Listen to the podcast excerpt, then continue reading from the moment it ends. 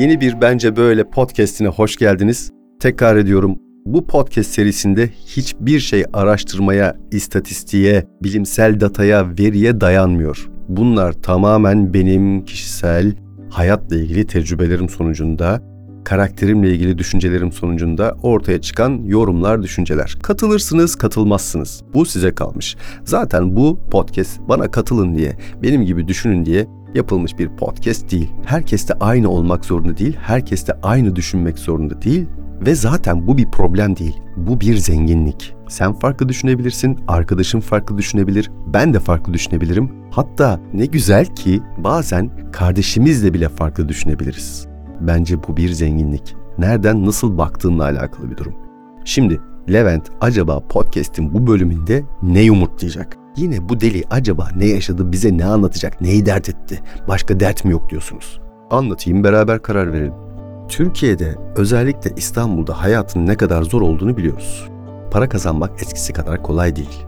Paramız her gün değer kaybediyor. İşin siyaset tarafına, ekonomi tarafına çok fazla girmek istemiyorum. Orası çünkü kara bir delik. Girersek hepimiz kayboluruz. Bir de açıkçası siyaset ve din konularını çok fazla aleni konuşmak istemiyorum. Herkesin fikri kendine özeldir ve bence bu alanda özel alan olarak kalmalı. Çok da bilmeye gerek yok. Ama konu siyasetin ve dinin dışında, bu konuların dışında bir konu. Hayat pahalılığı, hayatın zorluğu. Çok zor para kazanıyoruz ama çok kolay harcamak zorundayız artık. Para bize yetmiyor. Dolayısıyla verimlilik arıyoruz. Yani ben bir şeye para harcadığım zaman onun karşılığında ürün ya da hizmet konusunda verimlilik bekliyorum. Acaba verdiğim parayı bu ürün ya da bu hizmet hak ediyor mu? Ben yeteri kadar verim aldım mı? Bu soruyu soruyoruz. Sormalıyız da. Tekrar ediyorum. Paramız artık kıymetli. Hayat artık zor. Buraya kadar bu girişin çok önemli ve değerli olduğunu düşünüyorum. Birazdan bence böylenin malzemesi olan konunun çok önemli bir altyapısı olduğunu düşünüyorum. Hayatta en değerli şeyimiz nedir? Sağlık değil mi? Sağlıktan daha değerli bir şeyimiz var mı? Parayla satın alabilir misiniz sağlığı? Söyleyin bana.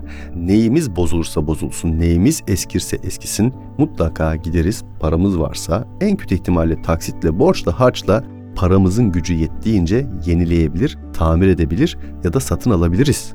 Ama sağlık böyle değil. Sağlık gitti mi gidiyor arkadaşlar. Yerine yenisini koyamıyorsun. En fazla geçici olarak tedavi edebiliyorsunuz. Benim derdim biraz sağlık sektörüyle alakalı. Hepimiz çok iyi biliyoruz ki lütfen inkar etmeyelim artık hastaneler bir ticarethane haline geldi.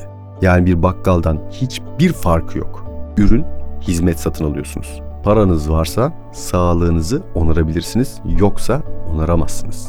Evde ateşle tir tir titrersiniz. Farz edelim ki hasta oldunuz ve doktora gitmeniz gerekti. Paranız da var, sıkıntı yok. Gittiniz en iyi doktora, en iyi hastaneye. Ya da gücünüzün yettiğince diyelim, parayı boş verin. Doktora derdinizi anlattınız. Doktor dinledi, muayenesini yaptı, ilaçlarınızı yazdı, üstünüzü giydiniz, oradan ayrıldınız, evinize döndünüz, ilaçlarınızı içiyorsunuz, doktor ne derse o şekilde yaşıyorsunuz. Pereziniz varsa perezinizi uyguluyorsunuz, ilaçları zamanında alıyorsunuz, dinleniyorsunuz ama iyileşmiyorsunuz. Bu durumda aklınıza gelen ilk soru ne? Acaba doktor beni iyi anladı mı? Doğru teşhis koydu mu? Acaba doğru ilaçları alıyor muyum? Ya da ben bir şeyleri eksik mi yapıyorum? Bunları arka arkaya sıraladığınız zaman son sorudan başlayarak her şeyi doğru yaptığınıza inanıyorsanız acaba teşhis doğru mu, ilaçlar doğru mu?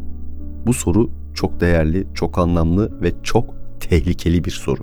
Hangimiz çok ciddi bir hastalıkta şu an dilime getirmek istemediğim o lanet hastalıkta bir patoloji laboratuvarında test yaptırdığımız zaman ikincisini yaptırmıyoruz? Güvenmiyoruz değil mi? Maalesef güvenmiyoruz laboratuvar sonuçlarına ya da inanmak istemiyoruz. Sebebi her ne olursa olsun. Biri pozitif diyor, biri negatif diyor. Biri iyi huylu diyor, biri kötü huylu diyor. Bu sefer ne yapıyoruz? Üçüncü testi yaptırmak zorunda kalıyoruz. Alıyoruz örneğimizi, üçüncü bir laboratuvara götürüyoruz. Orada makinelerin yanılmasını, payını falan kenara da koyarak bir şekilde ama bir şekilde ki doğru değil, hadi tamam diyelim. Laboratuvarda aletler yanlış ölçtü, bir şeyler oldu, bir şeyler oldu. İki laboratuvarda yanlış ölçtü, üçüncüsü doğruyu söyledi falan. Ama doktorluk öyle değil ya bizim gözümüzde çok kutsal ya. Doktor ne derse odur. Doktordan araba alırız ya. Doktorun lafı önemlidir ya doktor güvenilirdir. Eskiden doktor, öğretmen olmak, e, devlet memuru olmak, pilot olmak çok değerliydi ya. Doktor, doktor, doktor. Beyaz önlük, saflık, güven.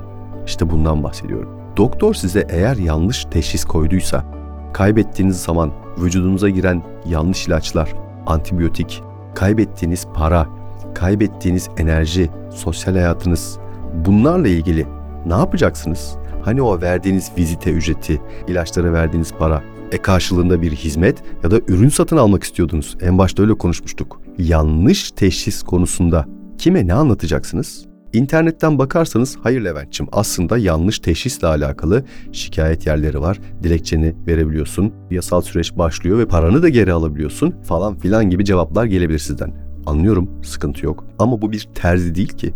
Pantolonu yanlış dikmişsin deyip ben yedek ikinci pantolonumu giyeyim, geri vereyim. Bu sağlık, bunun şakası olmaz. Ben bir hastalık için iki tane doktora gitmek zorunda olmamalıyım. Yurt dışında nasıl bilmiyorum. O yüzden ahkam kesemeyeceğim.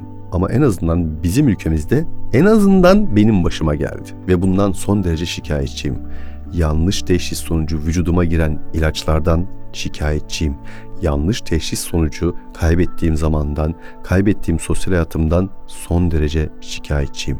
Zaman ve sağlık geri gelmiyor. Harcandı mı? Harcandı. Bitti gitti. Geçmiş olsun. Ben bunun daha da katı, daha da şeffaf, daha da hesap sorulabilir olması gerektiğini düşünüyorum. Bunun için doğru muhatap Sağlık Bakanlığı mıdır, valilik midir, hastanenin kendisi midir bilmiyorum ama bilmiyorum ama bilmiyorum. Fakat tek bildiğim bir şey var.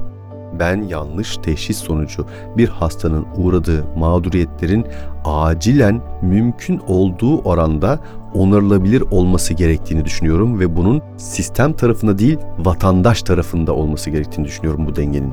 En azından bence böyle. Bir sonraki podcast'te görüşmek üzere.